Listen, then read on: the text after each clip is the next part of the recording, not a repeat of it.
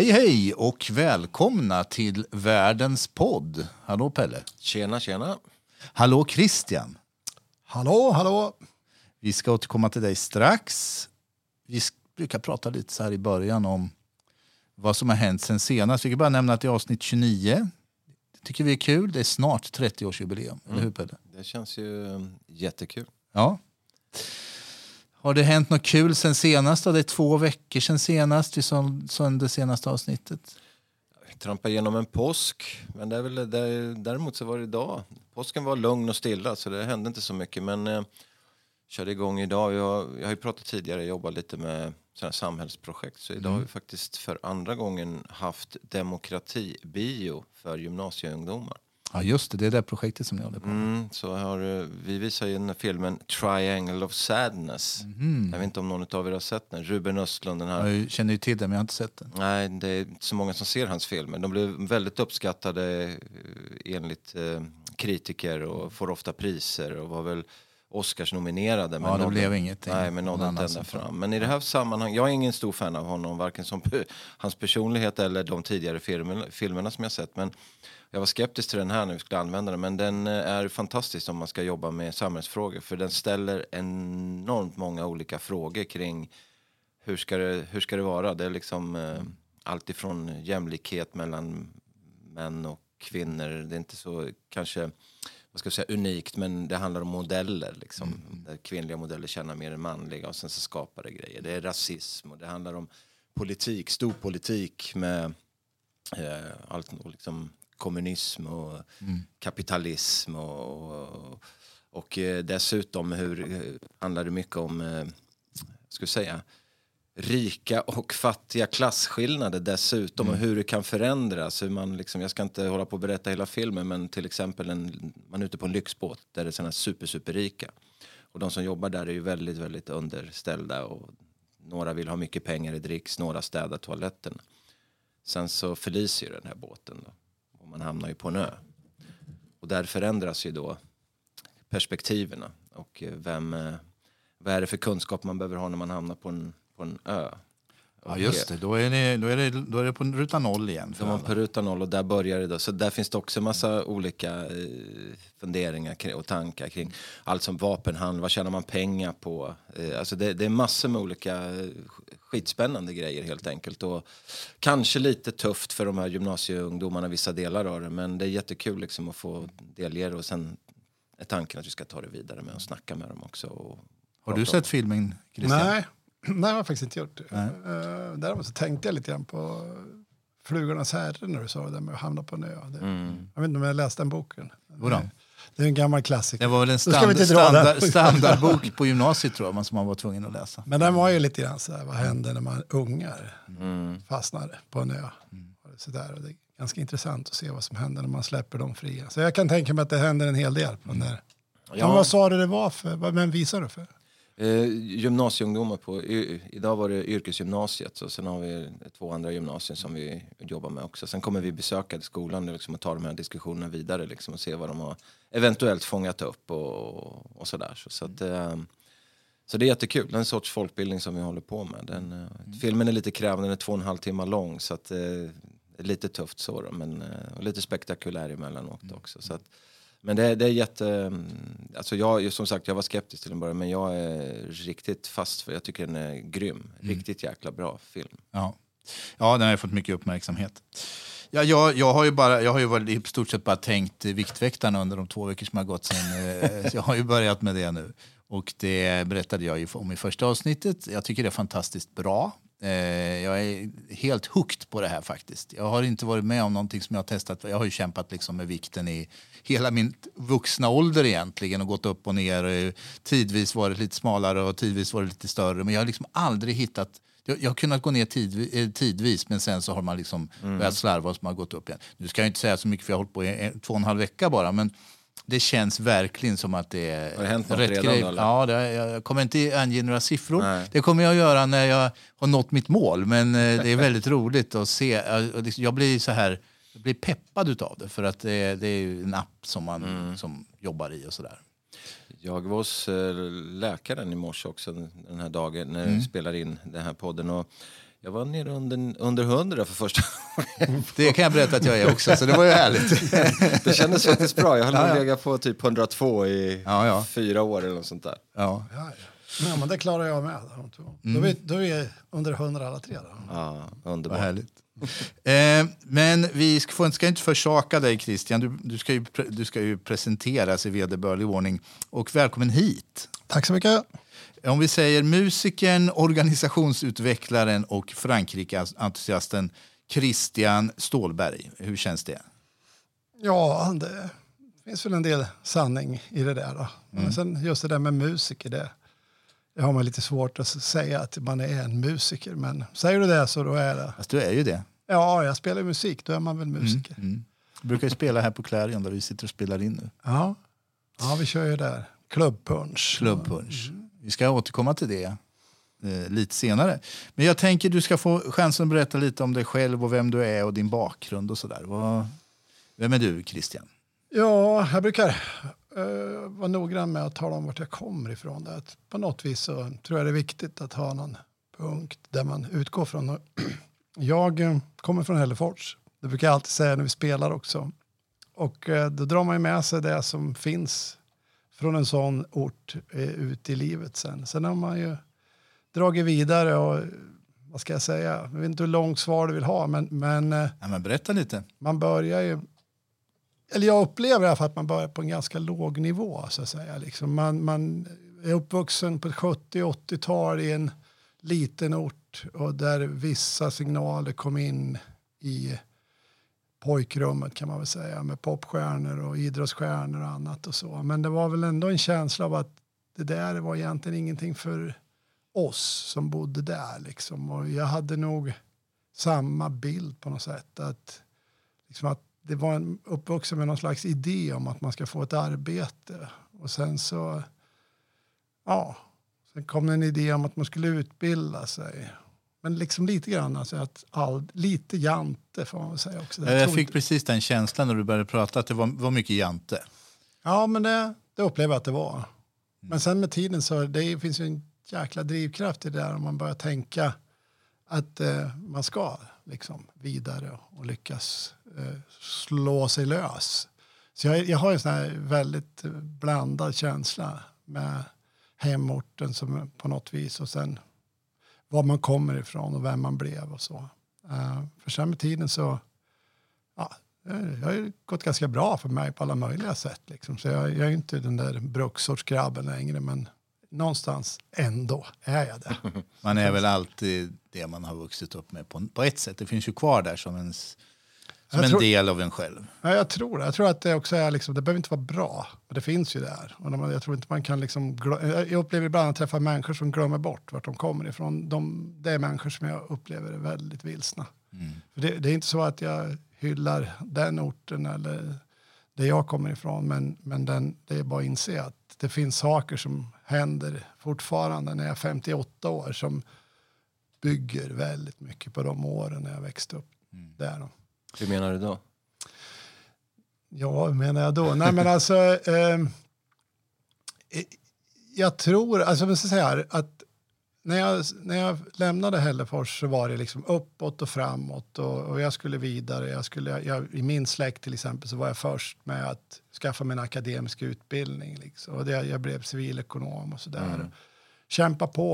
Och jag- kommer, det som jag ska komma tillbaka till lite senare, att jag höll på med saker som jag tyckte var jäkligt kul men som jag tvingades släppa längs vägen som, som då musik och sånt. Och man, man var med i alla möjliga Lucia-shower och grejer. Och sen helt plötsligt så blev det någon slags allvar och man drog iväg mot något som man trodde var väldigt stort. Så jag kommer ihåg när jag kom till eh, högskola var på den tiden i Örebro eller universitet. där. Liksom jag hade ju fasen inte planerat någonting och mina föräldrar hade inte planerat någonting. Jag kom dit liksom hade hyrt ett, ett rum och trodde att det skulle finnas väckarklockor och, och sängkläder och allt möjligt. Det fanns ingenting. Så jag låg och sov under en, en rock första, första kvällen. Och sen så löste man ju allting efterhand. Och jag träffade några personer som kom från Stockholm. Liksom, de, frå- de frågade mig, var kommer du ifrån?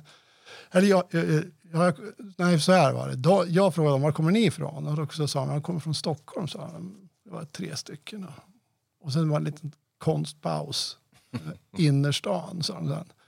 Och var kommer du ifrån? Ja, jag kommer från Hällefors. Liksom. Så, jag, så det, det jag menar är att man drog med sig ganska länge, eller jag drog med mig ganska länge, någon slags liksom, underdog-perspektiv. Och på det sättet har jag fortfarande kvar det. Mm. Men sen blev jag ju liksom vd och allt möjligt för en massa bolag. Eller massa, men jag var vd för två stycken bolag och jag var vice vd för ett annat. Där, där jag inser att efteråt så inser jag att ja, men det blev ju jag den där andra. Liksom. Och det var ganska vilset för då helt plötsligt fick man inte, kunde man inte vara den där underdogen längre. Så att och, och, idag upplever jag att jag kommer tillbaka så idag tycker jag att jag är underdogen igen. Och det, det gillar jag. Jag gillar mycket bättre att vara, liksom, vara lite småförbannad och reta mig på liksom saker som än att vara den som man hela tiden ska stå till svars för det som sker. Liksom. Mm. Intressant. Jag, jag har lite väldigt olika bakgrund men ändå lika på det sättet med Markbacken in i stan under eh, slutet av 70-talet. Och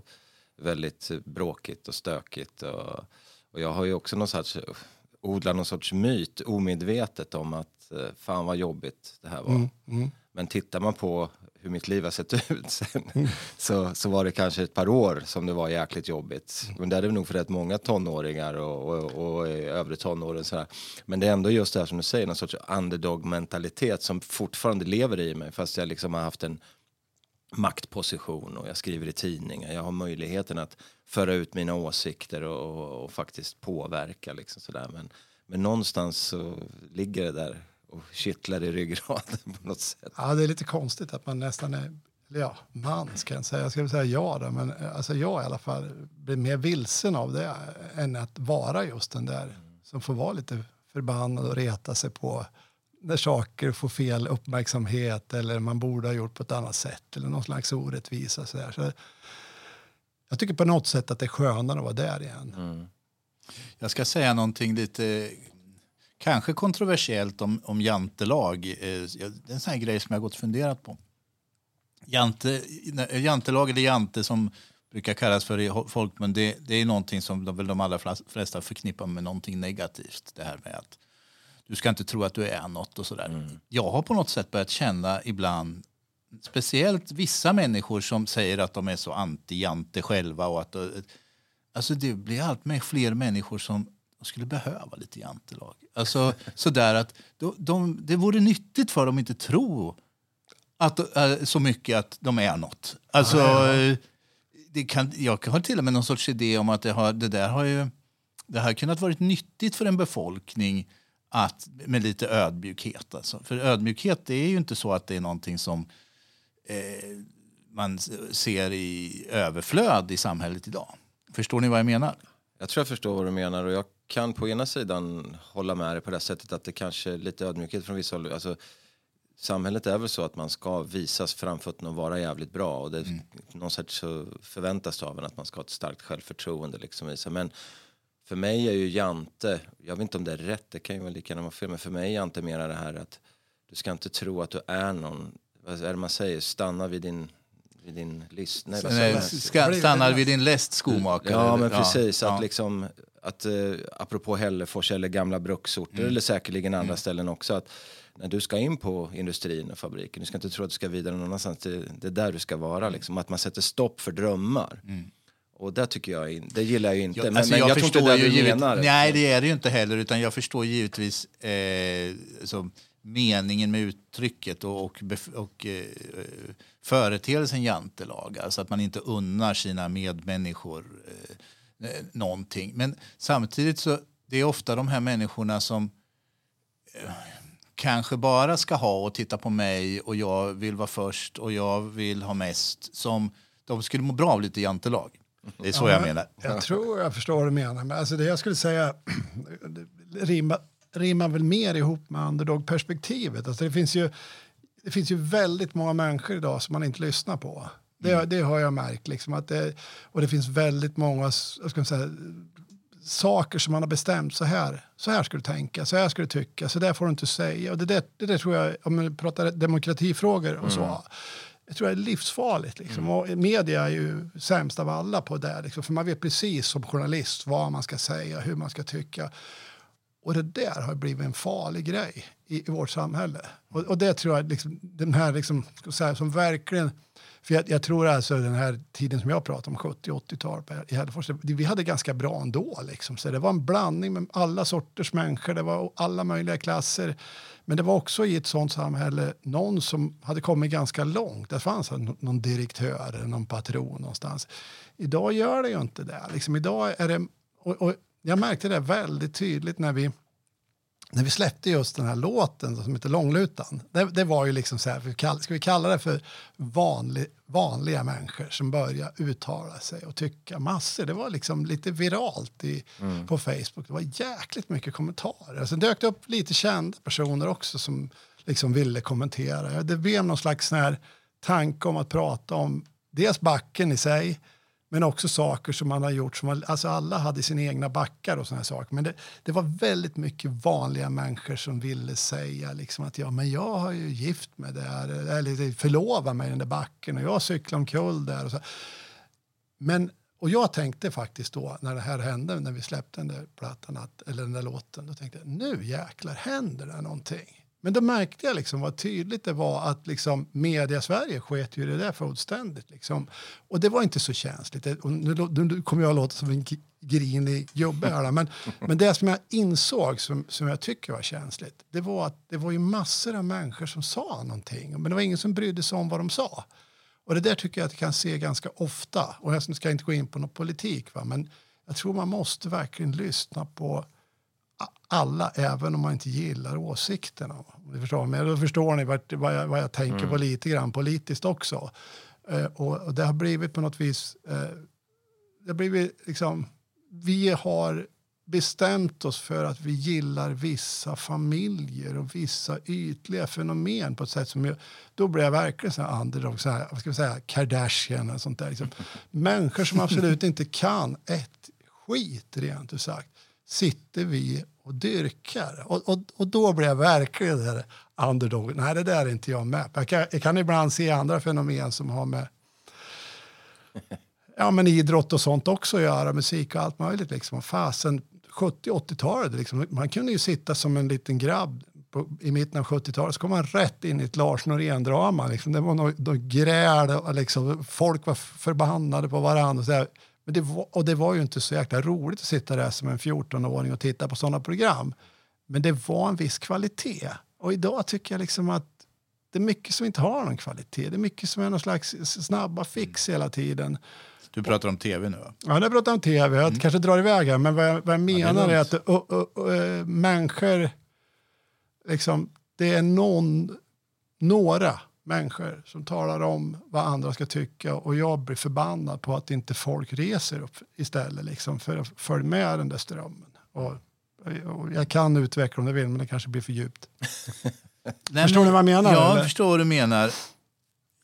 Jag Nej, men utveckla du. Ja, men, nej, men jag tänker, nu, så här, Jante, Jante är ju egentligen negativt. Så jag köper mm. det du säger Pelle. Det är, liksom, det är egentligen bara negativt. Men det finns ju någonting som ligger väldigt nära Jante och det är det här att komma underifrån, underdog och slå uppåt och försöka liksom ta sig fram. Det är ju någonting väldigt positivt. Och det du sa som jag, eh, Patrik, det, det tror jag är liksom att en del av de där som har fått det lite för lätt serverat på bordet. De kanske borde tänka ibland, tro inte att du är Anna, för det är du inte. Nej, det var precis exakt det jag menade. Jag kan få en sån känsla ibland att du skulle mått bra av lite jante. Ja. Ja, men det, är ju, det är ju lurigt det där som du säger, med, apropå det jag inledde med idag med ute på en ö, när så perspektiven förändras. De mm. du pratar om, de här familjerna, det, de, de tjänar multum på att ja, jag säger vi då, då, men det är kanske inte inbegriper någon av oss, men konsumera det här liksom, så att de mm. tjänar mm. de här pengarna på att, och inte gör någonting. De är bara en crazy familj liksom sådär. Mm. Och, och, jag tycker också det är jättemärkligt på det sättet. De skulle inte överleva på en ö, det kan jag säga, speciellt länge. Det är ju helt klart, för då behöver man helt andra skills. Ja. Men jag, i övrigt är jag, jag är helt med på det med möten och samtal. Det är precis det vi jobbar med med våran, den här föreningen Panorama som vi har med demokrati och samhällsfrågor. Det är just det att föra samtal vid köksbord, vid krogbord, ute på stan eller vad som helst. Och lyssna på varandra. Vilken åsikt man egentligen, mm. egentligen har. Sen kan man, får man ju föra fram sin egen också och försöka övertyga varandra och, med argument istället för att stå på varsin sida och gapa. Så att jag, där är jag med dig. Ja, Christian, eh, du berättar här om bruksorten och att du tog det vidare och sådär. Eh, blev vd och... Men du har en annan, du har en annan historia som jag tycker är jätteintressant också. Eh, som har med din professionella karriär att göra och att du blev förhållandevis framgångsrik. Men du bröt med det där. Var det inte så? Eh, ja, eller sen, sen måste man ju vara lite ärlig och säga också att eh, sitter man på vissa positioner så får man ju till slut sparken. Och sen, Jaså? ja, men och, och då måste jag väl säga här, jag bad om att få sparken men jag fick ju sparken. Så liksom, det är lika bra för det där avklarat direkt. Att, att, eh, men det, det jag kände var väl å, återigen att de här fördelarna, alltså åter, man måste ha något perspektiv och bild av att det är en människa, jag då, var en liten skit som kom från en bruksort. Och vi, liksom, jag hade inga idéer mer än att jag ska ta mig så långt fram jag kan.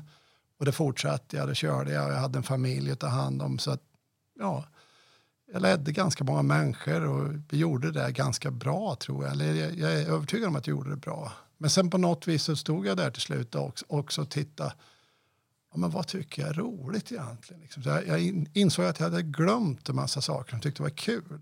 Och då fick jag ju den där foten i, i, i baken som gjorde att jag liksom... Var, alltså, man kan säga så här, att blir du vd så får du villkor som är ganska bra. De där villkoren kan du bli slav under för att det är liksom, om du själv ska bryta det och säga nej men jag vill inte längre ha de här stora pengarna. De, de flesta gör inte det. Så man blir ju lite fången av det där. Men jag fick ju då foten då så att jag var ju tvungen att göra någonting annat. Nu, nu är det ingen nöd på mig idag heller. Liksom. Jag har det väldigt bra för jag kör ett eget företag idag. Så. Men det var ju då liksom en liten, lite roliga saker som slumpmässigt ramlade i, samman. Då. Och det var ju dels att jag hade fått den där foten och sen var det en som ringde och sa att vi skulle fråga om vi kunde spela med det gamla bandet igen. Och så gjorde ja men det kan jag. tänkte väl ingen som vill spela med oss igen. Och det ringde all, alla var sugna, det var en sån här återföreningsfest som vi skulle spela på. Så att, ja, då gjorde vi det, alla ville vara med. Liksom. Och, sen släppte vi den här långlutan och vi hade ingen aning, jag hade ingen aning om fa- Facebook och Youtube och det där, liksom, hur det funkar. Så vi tyckte liksom, vi fattade ju faktiskt, det var inte jättestort. När var det här? Hur länge ja, var det det här? var 2018.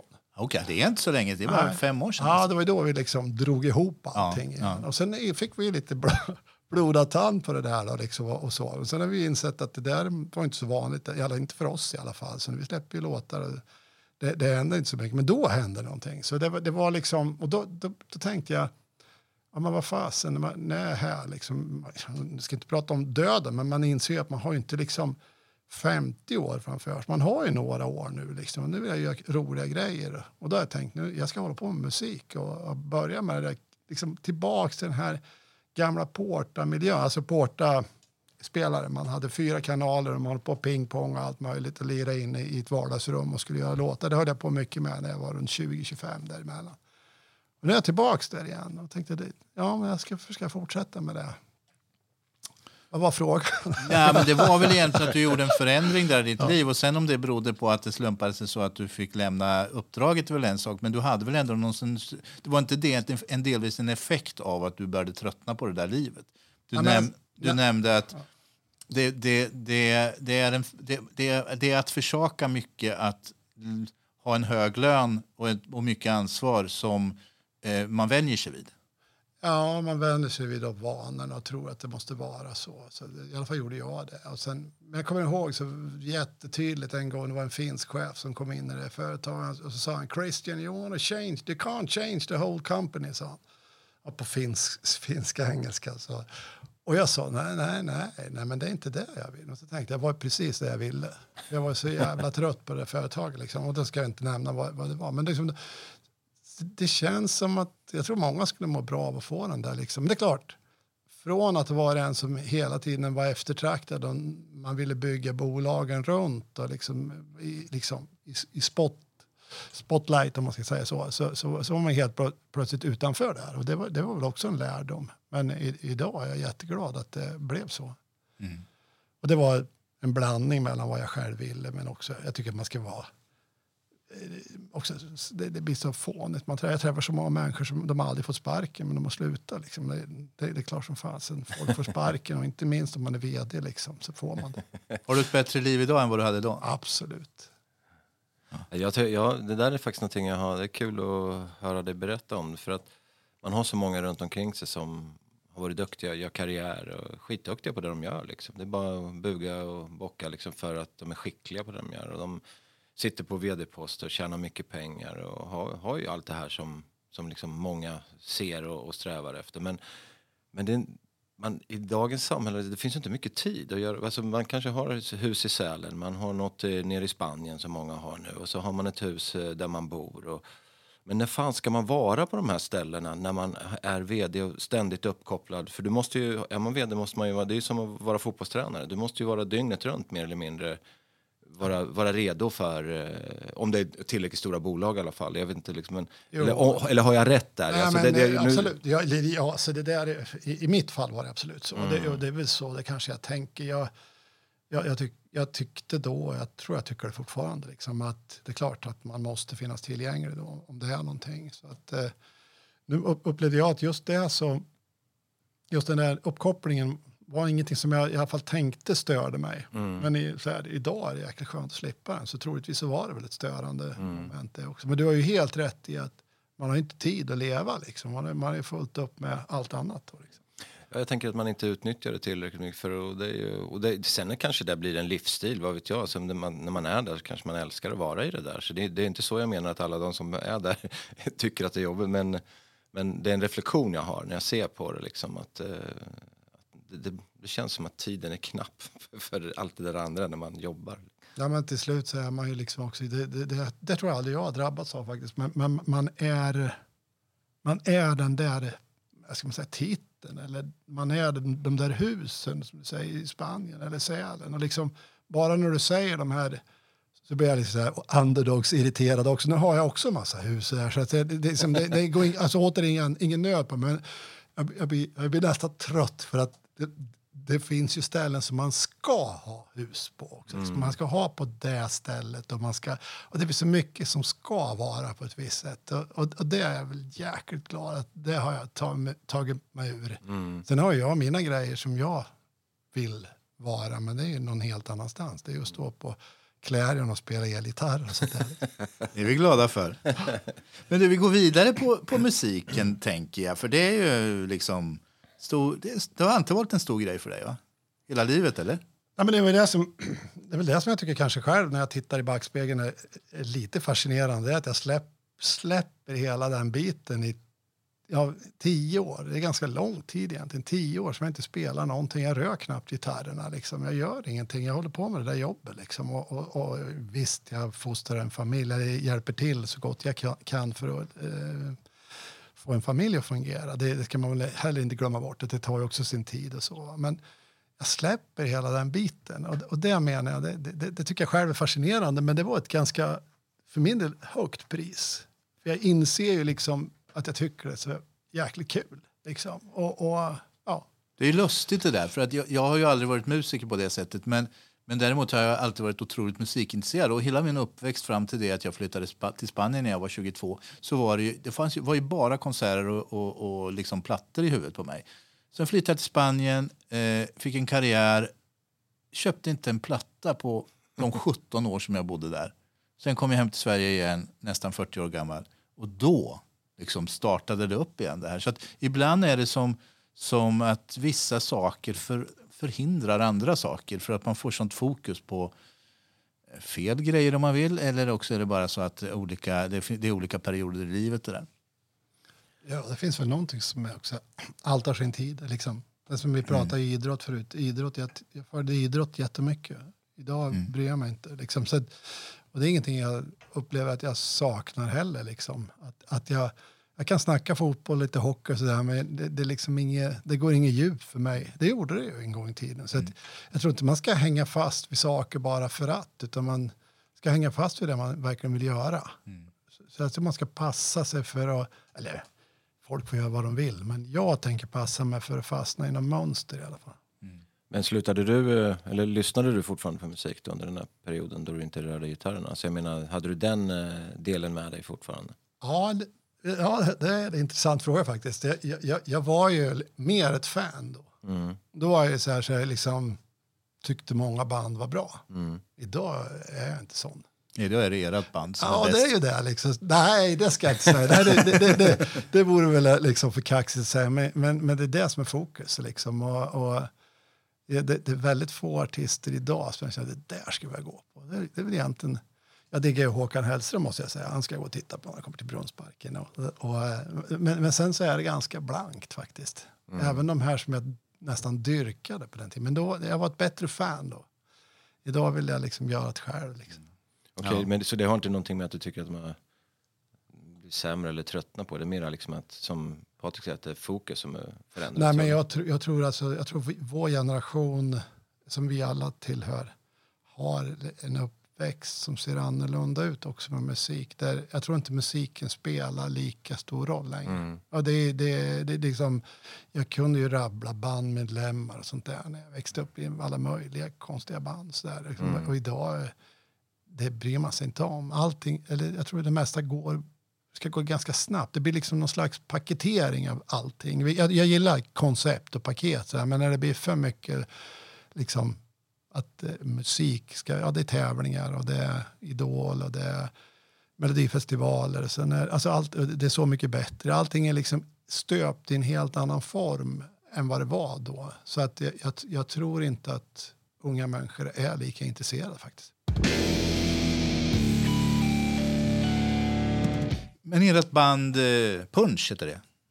Ja, Va- Varav namnet? Jag måste fråga om det. Måste finnas en historia bakom att man kallar bandet för Punch. Ja, alltså det, det, det, ja, det finns det ju. liksom. Men till slut så blir det, man håller på och grälar och sitter och pratar om vad man ska heta. Men det, det är som min minnesbild av varför det blev så här, det var punch en ganska bortglömd dryck.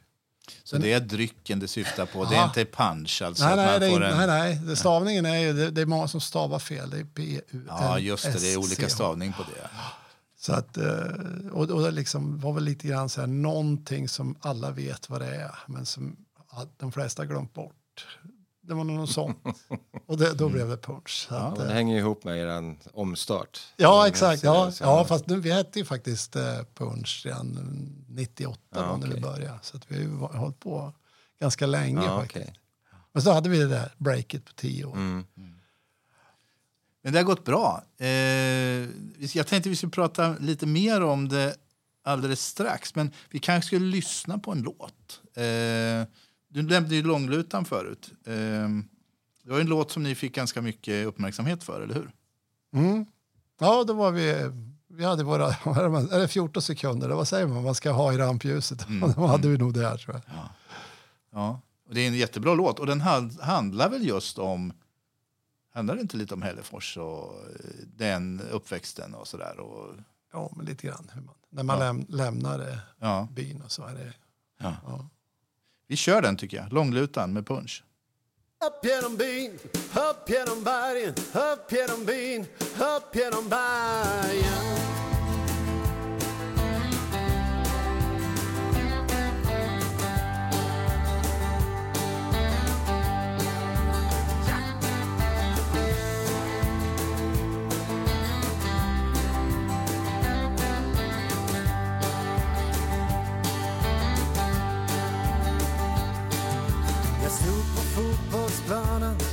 Jag hade gjort min sista match.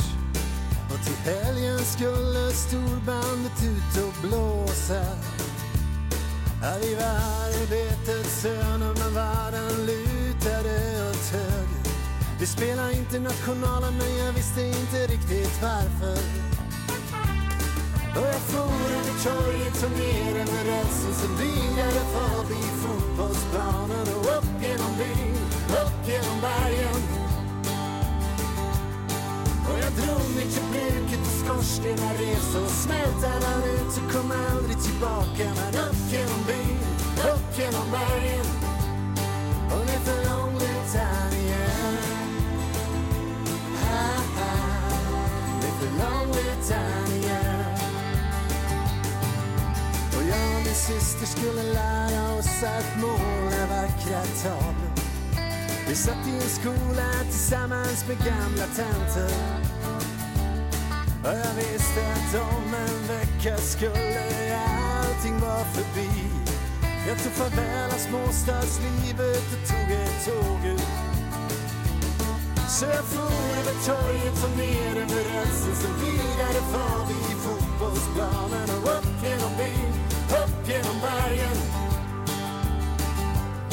Och jag drog mig till bruket Skorstenar är och smälte han ut och kom aldrig tillbaka. Men upp genom byn, upp genom bergen och ner för igen Ah, ah, ner för Långbritannien. Jag hade mörka solglasögon och mycket solblekt hår. När jag strök längs med läktaren som en vildkatt. Jag bar trumpeten på ryggen och jag blåste en fanfar. Jag blåste för Harry och jag blåste för livet. Och jag for över torget och ner över rälsen Sen vidare förbi fotbollsplanen och upp genom byn, upp genom bergen och jag drog ner till bruket och skorstenar revs och smältade ut och kom aldrig tillbaka igen. live alone.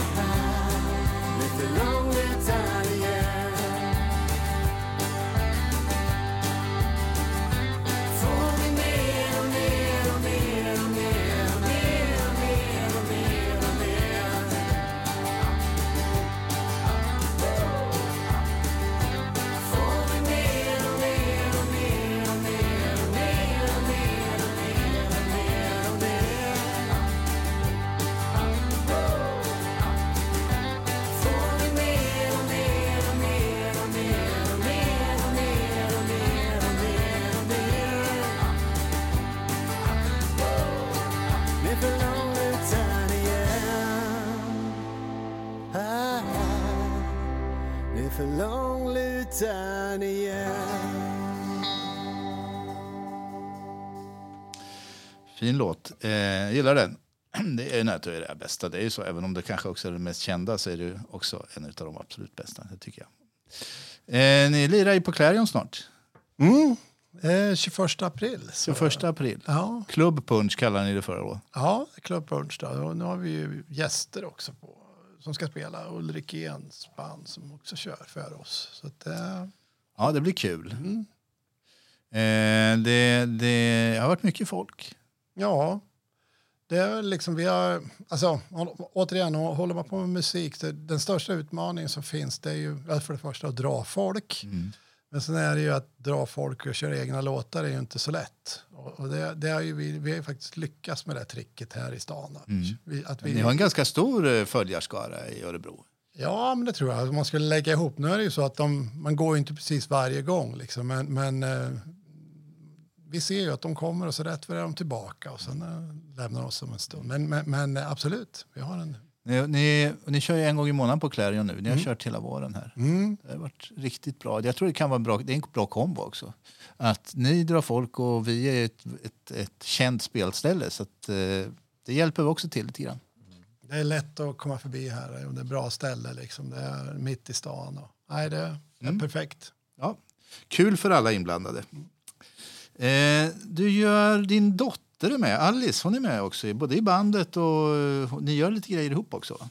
Ja, ja men vi lirar ihop. Och, eh, hon är ju en, en, en medlem i bandet Punch. Då. Hon, hon var ju typ två år när vi bildades, så att hon har inte varit med hela vägen. Men hon har varit med sen vi återförenades. Så, och, ja, det är ju jättekul. Men eh, vi har väl en del planer på att göra någonting, bara Alice och jag också. Och det är väl ganska långt kommet faktiskt. Så att jag håller på Kan du avslöja något vad det är? Ja, men så det, på något vis så vill jag ju... Vi vill ju liksom, först och främst, punch är ju liksom prioritet och, och så. Men eh, vi vill också, jag vill också att det ska inte vara som punch. Så det här kommer att bli lite mer softare då och lite mer, lite mer Alice faktiskt. Och, eh, kanske mer, eh, eftersom jag spelar det mesta själv på den så blir det liksom mer vardagsrumsinspelningar. Blir det mer hon än du som sjunger? Eller? Nej, det blir det inte. Mm, Men det har ju att göra med att jag, är mer, jag har mer tid och det blir mycket, mycket av mig fortfarande. Men vi, vi försöker. Vi, tanken är väl i så fall att det ska heta Alice och Christian. Och, Mm. så får Blir det se. platta snart eller? Ja, kanske. vi, har, vi har inte bestämt oss för det än. Men jag, det kan vara så att vi gör någon, någon release här någon Mm. gång snart. Då vet ni var ni ska komma och spela. Ja, men absolut. Det vore ju fantastiskt om vi kunde vara här och lira. Mm. Det är klart ni kan. Ehm, ja, du är generellt så här kulturintresserad. Va? Det är många områden. Du, du nämnde något som du kallar för, eller som väl heter kanske Stigs lada. Jo, men det är så här. Eh, det är lite så när man är ung så sätter sig någonting. Och jag, jag hade en, en period som jag också tycker att jag saknar lite grann i dagens eh, samhälle. Alltså, man kunde gå på gallerier och gå och titta på konst liksom, på ganska många ställen på helgerna. Så här. Och, och jag hade kontakt med, via mina svärföräldrar, en, en konstnär som var verksam i Kristinehamn och, och i Örebro. Han hette Stig Olsson. Och jag vet att jag, jag brukar bli inbjuden till hans lada på Gotland. Han hade en lada där han målade sina tavlor. Och, och på något vis, och jag var väl ingen expert sådär, men vi hade ganska... Han släppte in mig den där, vilket var ganska ovanligt, att man fick komma in och titta på det som man höll på med. Då. Och, och, och fråga ofta, liksom, Christian, vad tycker du om det här? Och, så där. Och, och, och, det där. och jag tyckte det bästa var skitbra. Så där. Men eh, då, det liksom föddes någon sån här äh, jäkligt spännande tanke liksom, som jag kallar för Stigs lada. Då. Och, och vad det där Stigs lada är, det är väl liksom att jag också skulle vilja göra något som var så jäkla häftigt som jag tyckte det där var. Och, och, är det ett place du vill ha?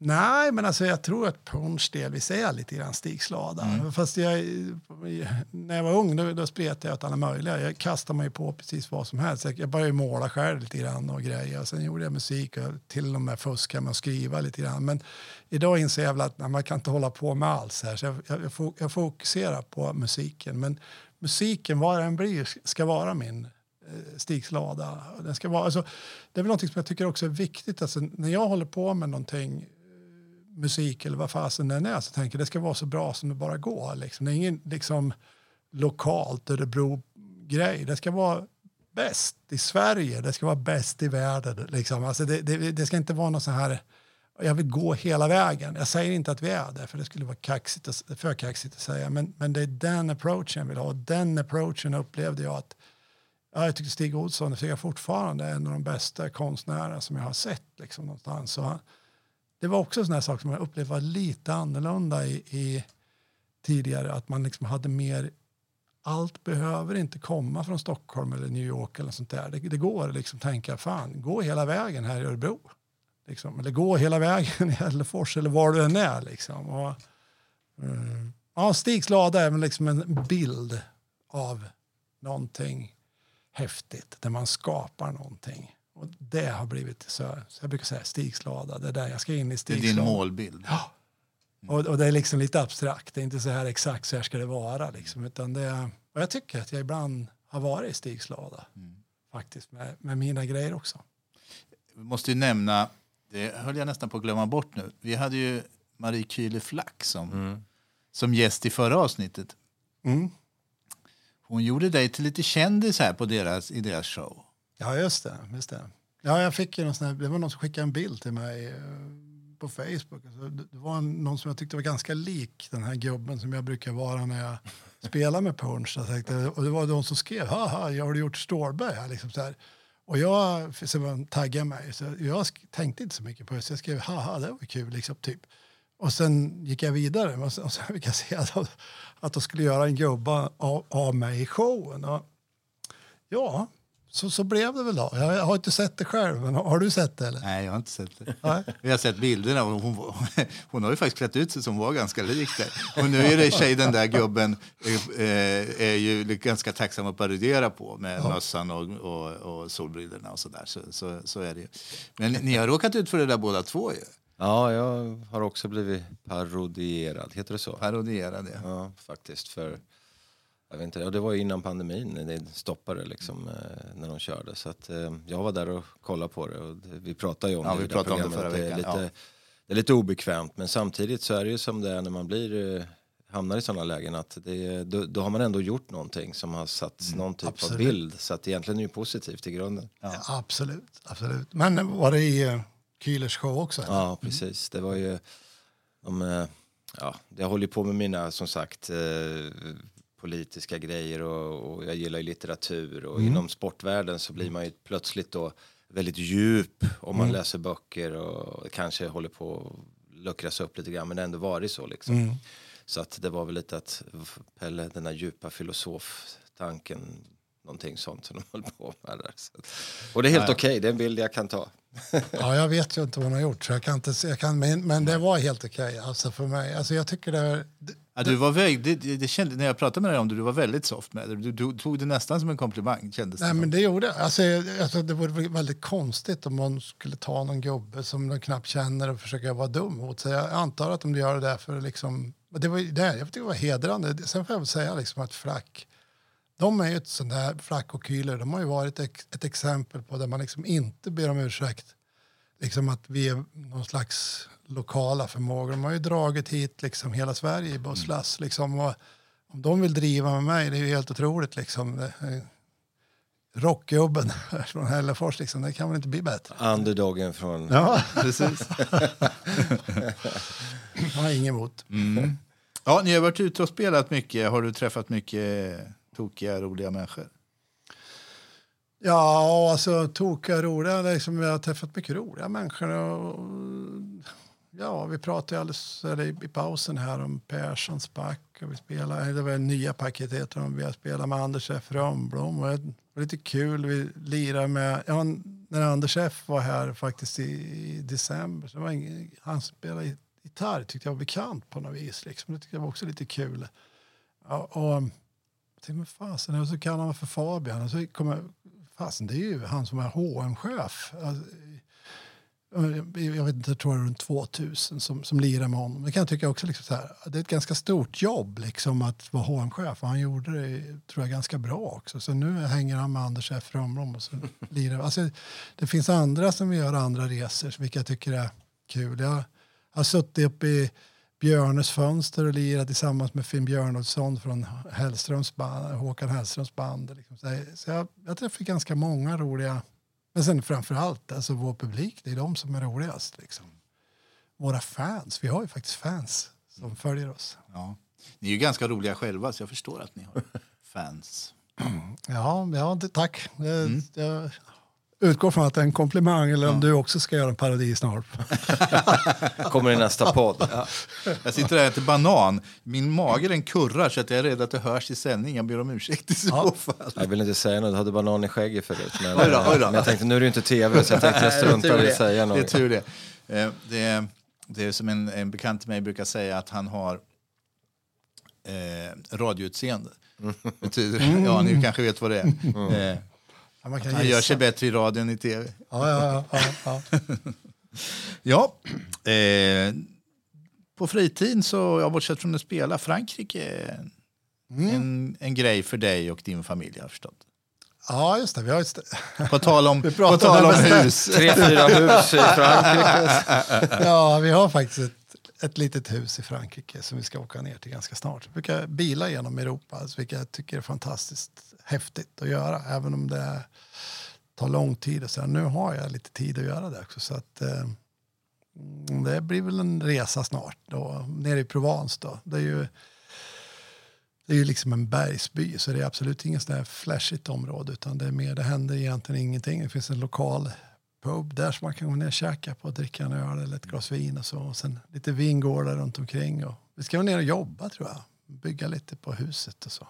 Ja, och sen brukar du skriva musik där också. Ja, jag har faktiskt gjort så här så att jag har släpat ner lite git- gitarrer och tänkte nu ska jag försöka knö med, med mig en eh, elbas ner också. Så att eh, vi kan sitta där och, och, och spela in lite grann, lyssna på tornseglarna när de flyger förbi. Det är ganska härligt faktiskt.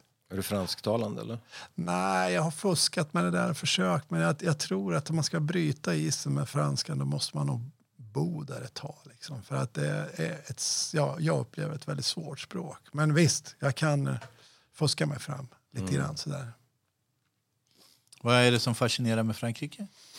Det var, väl, det var väl också en del av det där med konsten som jag pratade om. Mina svärföräldrar, eller min svärfar, han är skulptör så han håller på med sådana saker. Så han, det var ett gäng som drog ner till den där lilla byn. Det var faktiskt ett gäng konstnärer från Karlskoga, Örebro-trakten som åkte ner och köpte ett hus. Och sen, och sen så åkte han ner och köpte någon, det var ju som en ruin nästan. Han var väldigt duktig att renovera och sådär. Och så renoverade han upp det där huset. Och, ja, sen kom det här var ju när jag var typ 24 så åkte vi ner dit liksom och rökte alldeles för starka cigaretter och drack rödvin och allting. Så här. Så, sen är det någonting med faktiskt ljuset där nere. Det, det är ett speciellt ljus och ett speciellt, det är ett speciellt tempo. Det händer inte så mycket. Marknader så här som jag, när jag sitter nu tänker jag fasen vad kul det ska bli att gå på marknaden. Sen när jag har gått där i två minuter så tycker jag det är skitjobbigt för det är ganska varmt där nere. Men, men det är åka till ja, vingårdar och köpa lite sådär, käka lite ostar och allt det här som, som finns. Det, det är, det är ganska härligt liv. Men sen har vi tänkt jobba också som sagt var med händerna lite grann. Mm. Men ni ska dit en månad? Ja, vi får se hur länge det blir, men det blir någon, någon, någon vecka i alla fall. Jaha, okej, Ja, ja. mm, mm, mm. Men det, är kul- men det är kul det där. Jag Som, outade jag vad, hur, vad, vad din egentliga plan var. Ja, jag tänkte det är lite roligt det där med som du säger med konst och de köpte. Det är ju hur det liksom har gått. Jag menar, är det 60-talet var väl liksom de som var kulturella på 60-talet det var ju väldigt mycket, de kan ju nästan franska allihopa då, som man säger, in, de, intellektuella eliten liksom sådär. Det var ju Paris man skulle till och, eller Frankrike och sen så har ju det svängt liksom genom historien vad, det, vad som just är det fräna. Ja, men alltså, jag, jag, jag, jag har tänkt på det där. Jag vet, om, du, om du tittar, du, du, skriver ju böcker och sådär. Va? Så det, kä- jag, tycker, jag upplever att det finns liksom perioder, i, om man tittar tillbaka hundra år, när man pikar på något sätt. Va? Jag upplever att konstnärerna liksom pikade någonstans med impre- impressionisterna någonstans tidigt. Eh, 1900-tal. Sen, sen på något vis känns det som att författarna på något vis tog vid. med Hemingway och de här liksom runt 30. Sen kom rocken 50 och, och eh, 60-talet Beatles och Stones och det här. Liksom. Sen kom, och, jag, vad vi är som pikar nu, det vet jag faktiskt inte riktigt. Om det, är- Jag tror att ingenting pikar, det är bara allting på en gång känns Ja. det som. Liksom. Ja. Så lever man i sin egen lilla pikbubbla kanske, jag vet inte. Men det, det känns inte som att de här stora rörelserna finns på samma sätt. Eh, att- och det var väl det lite du var inne på tidigare med musiken där. Liksom, att det, jag, jag tror att vi kanske varit inne på någon tidigare, någon poddavsnitt, liksom såna här Rolling Stones. Och, jag menar, kommer det finnas sådana band framtiden? Liksom, det är ju fragmentariskt, liksom. det dyker upp någon här och någon där. Och de här banden som spelar ihop i 50 år eller 40 år eller 30 år. Alltså, det är tveksamt om det kommer att Jag läste dyka någonstans upp, liksom. att 90 procent av alla nya artister är soloartister. Det kommer nästan inga band längre. Nej. kan man ju fundera vad det beror på. Om det är liksom att, om det är marknaden som är sån eller om det är för svårt. Och, Eller kanske för lätt. Man sitter Ja. här, eller för lätt är väl inom citationstecken. Men just att skaffa utrustning och sitta och spela själv är ju ändå rent tekniskt så är det ju mycket lättare nu för tiden. Sen ska man ju göra någonting som folk vill lyssna på också naturligtvis. Men jag, jag tror att det liksom är så. Det är ju, eller har i alla fall varit så under en längre period att vi, vi, vi har tillgång till precis allting från alla håll. Och, och då blir det ju inte att, det är ju som man pratar om tv också med det var förr i tiden med tv-program. Det räckte att uppträda i ett program och sen så var man ju stekhet nu liksom. Det finns ju många kanaler som helst. Liksom. men det som var bra då var att det kunde, alltså om man går ända tillbaka till Hyland, alltså det kunde komma in precis vad fasen som helst i programmet. och det var ju ganska kul, det händer ju inte idag. Idag är det ganska liksom, har ni sett den dokumentären som gick om Hyland? nej. Det var ju väldigt bra faktiskt. Den ligger inte kvar tror jag, fortfarande, eller längre på SVT Play, men den var otroligt... eh, Jag tror jag sett den men det är Intressant. länge sedan jag såg den. Alltså. Mm. Men ska man ta ännu vidare, liksom ett fenomen som man blir lite skraj för, det är ju liksom AI och sådär. Liksom man tror ju att, de ska, att det kommer skrivas böcker på det här sättet, göra musik på det här sättet. Och, då- och då är ju definitivt det här över. Liksom. Eh, den delen. Ja, det, det hörde jag att um, illustratörerna Mm. till böcker, är, för där har man ju redan börjat Mm. använda AI till att, och det, de har ju en poäng i att, eh, nu ska det inte bli allt för långrandigt med sådana grejer, men att, att eh, de här AI snor ju deras, alltså om jag har förstått saken så AI går ju ut och så scannar den ju av allting som finns ute på olika ställen på nätet. Och, och det innebär ju att folk som har gjort arbeten och lagt ut det på olika ställen, det tar ju AI in i sitt system och gör egna grejer av det.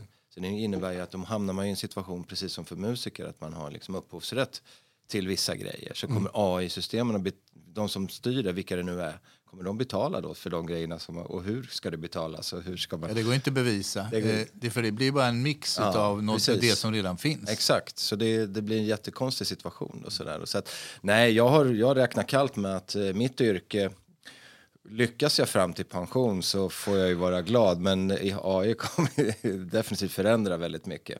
Sen dyker det alltid upp nya alltså, saker vid sidan om. Men, men det är klart att med text och sånt här, så kreativitet. eh, Det bli tror vi snart går i pension. Ja, exakt. Vi, vi, vi vi räddas av gånggången allihop. Apropå bitterheten som vi inledde det här med. Gubbar som är bittra. Ja, hörni. ehm, vi närmar oss avslutning. Ehm, stort tack för att du ville komma, Christian. Mm, verkligen. Tack. Stort tack Kul att att ha ett komma. litet samtal med dig. Ehm, och det, ja, och eh, som sagt, eh, vi ses ju snart igen på Club Punch. Det gör vi. Nästa avsnitt blir väl ett par veckor, men vi ska väl kanske inte lova eh, Pelle. Man vet ju aldrig med oss. Vi har ju som målsättning varannan vecka, men Vi har ju så mycket att göra. Vi har ju så otroligt mycket att göra. Ja, så det är ju, så är det. Vi borde leva mer som allas våran musiker här. ja. Absolut. Precis, jag som inte gör någonting. Bara, bara går runt och drar och spelar gitarr. Precis, en bohem. Ja, det Så är det det som tror att det är så, men det är riktigt så är det kanske. Nej. Ehm, vi vill ju gärna ta emot eh, tips och önskemål från lyssnarna. Då mejlar ni in till eh, vardenspodd gmail.com. Så välkomna med tips och förslag på gäster inte minst och eh, även förstås om ni har önskemål på musik eller, eller e- ämnen eller teman. Och med det så får vi väl tacka alla lyssnare eh, så mycket för den här gången. Mm. Tack och hej. Tack och hej. Ha det Tack bra. hej. hej. hej.